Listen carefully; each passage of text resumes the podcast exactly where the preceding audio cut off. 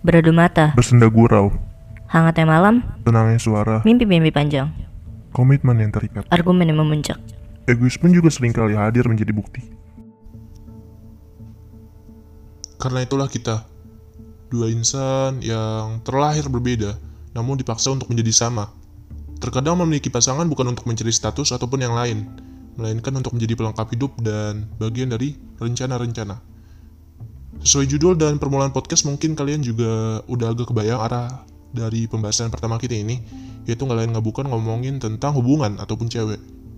Ya, kalau ngomongin tentang hubungan dan cewek, pasti gue jamin gak ada habisnya. Karena cewek juga termasuk ke dalam part of life, so gue boleh-boleh aja dong nyinggung kalian sedikit aja. Karena nyatanya nggak semua yang berhubungan ataupun suatu hubungan jalannya lancar-lancar aja. Pasti ada konflik atau masalah dan kemudian memuncak atau biasa disebut komplikasi, baru resolusi itu datang. Kedatangan resolusi ini atau pemecahan ini disebabkan adanya keinginan untuk mengalah dan biasanya dialami oleh kaum Adam sebagian besar. Kita ter- terpaksa ngalah dan ngajuin permintaan maaf hanya karena ingin hubungan baik-baik saja. So yang bilang hidup ini panggung sandiwara ya emang benar karena yang nyata ternyata delusi. Menurut sudut pandang gue, cewek itu simpel sebenarnya. Cewek itu adalah spesies yang ingin dimengerti, walau kadang tidak berkeinginan untuk mengerti, jadi wajarin aja. Justru tugas lo yang sebagai cowok harus ngertiin dia di berbagai kondisi atau sikon. Entah cewek lo lagi PMS, ngambek, dan apalah itu, ya saran gue jangan pernah gampang mengambil kesimpulan yang aneh-aneh pas kejadian perkara, ataupun malah mutusin dan jangan pernah lari dari setiap permasalahan. Permasalahan yang ada dan, ter- dan tercipta di tengah-tengah kalian dihadirkan untuk diselesaikan dan dicari jalan keluarnya. Bukan lo malah lari dan ujung-ujungnya mutusin gitu aja. Karena ingat, penyesalan itu datangnya akhiran. Kalau awal-awal mungkin namanya pendaftaran. Waktu. Soal waktu juga mungkin adalah faktor cewek lo marah-marah nggak jelas. Ya mengertilah kalian wahai calon-calon mami, karena kadang-kadang cowok itu kan juga butuh hiburan, nyalurin hobi, bakat, bantuin nyokap, mandi, dan lain sebagainya. Jadi ya cewek ini harus lebih peka aja. Karena hidup cowok lo itu nggak cuma lo doang. Bullshit kalau ada cowok yang bilang hidupnya dia hanya tentang ceweknya. Pengangguran parah sih, kalau kata gue. Jadi maklumin aja ya buat calon-calon Mahmud. Faktor moneter, ekonomi, ataupun keuangan. Mungkin baru bisa dirasain kalau lo udah berumah tangga. Mungkin kalian yang masih SMA atau kuliah ya belum ngerasain ketika cowok lo nggak mampu bayar token listrik rumah, keperluan anak, cicilan kontrakan, dan biaya keperluan dandan.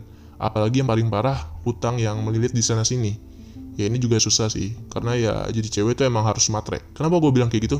Karena ya cewek itu mencakupi banyak kebutuhan. Apalagi khususnya kalian yang udah punya cita-cita jadi ibu rumah tangga. Kebutuhan kalian bukan hanya lipstick lagi catokan lagi dan lain sebagainya. Tapi kebutuhan anak biaya dapur dan biaya buat kalian manja juga harus. Kenapa gue bilang biaya buat kalian manja juga harus? Karena cewek itu juga manusia.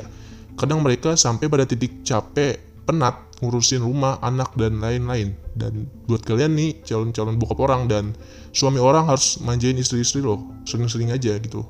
Ya lewat perlakuan perlakuan mungkin lewat ngajak jalan, ngajak dinner, ataupun malah ngajak buat junior. Waktu udah, saling mengerti udah, faktor ekonomi udah, selanjutnya mungkin faktor orang ketiga dan kepercayaan. Ya ini udah kacau sih, kalau suatu hubungan ada indikasi orang ketiga di dalamnya. Kuat nggak kuatnya cewek atau cowok pasti luluh kalau soal orang ketiga ini, dan seribu alasan dengan gampang dilontarkan agar kepercayaan tumbuh kembali. Tapi siapa sih yang suka dibohongin? Biasanya ya kalau soal orang ketiga mungkin lebih dominan ke cewek. Karena cowok tuh matanya suka ke mana-mana. Ya gue jujur aja, mungkin yang dia lihat muda, seger, masih kenceng, atau paling bahaya ya manfaatin hartanya. So buat kalian para Mahmud mungkin harus hati-hati sama calon suami kalian nanti. Kalau perlu dicek mata dulu ya guys. Dan saran gue buat kalian para Mahmud harus sabi jadi rumah buat suami kalian nanti. Rumah di mana dia ngelepas lelah, cerita, curhat, dan bermanja-manja. Jadi meminimalisir terjadinya orang ketiga di antara kalian.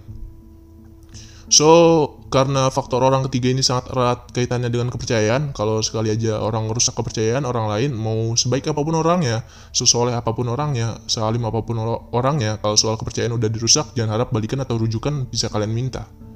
Intinya sayang doang itu nggak cukup dengan kata-kata. Perlakuan lo juga harus lo tunjukin. Kadang cewek hanya ingin hanya ingin dianggap ada, dan cowok tuh kadang terlalu sibuk sama urusan duniawinya. Jadi mungkin soal nanyain kabar lo, nanyain lo udah makan atau belum, ya Allah itu klasik banget by the way. nawarin sarapan ataupun makanan, nawarin video call, balas chat juga kadang diabaikan.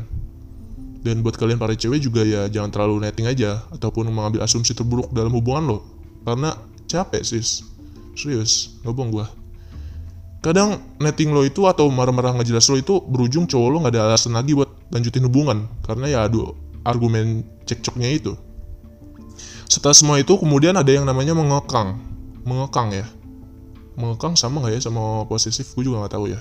Mungkin juga termasuk alasan atau faktor perpecahan atau keretakan dalam suatu hubungan karena ya cowok ataupun cewek. Tapi lebih umumnya cowok sih yang paling nggak suka kalau dikekang.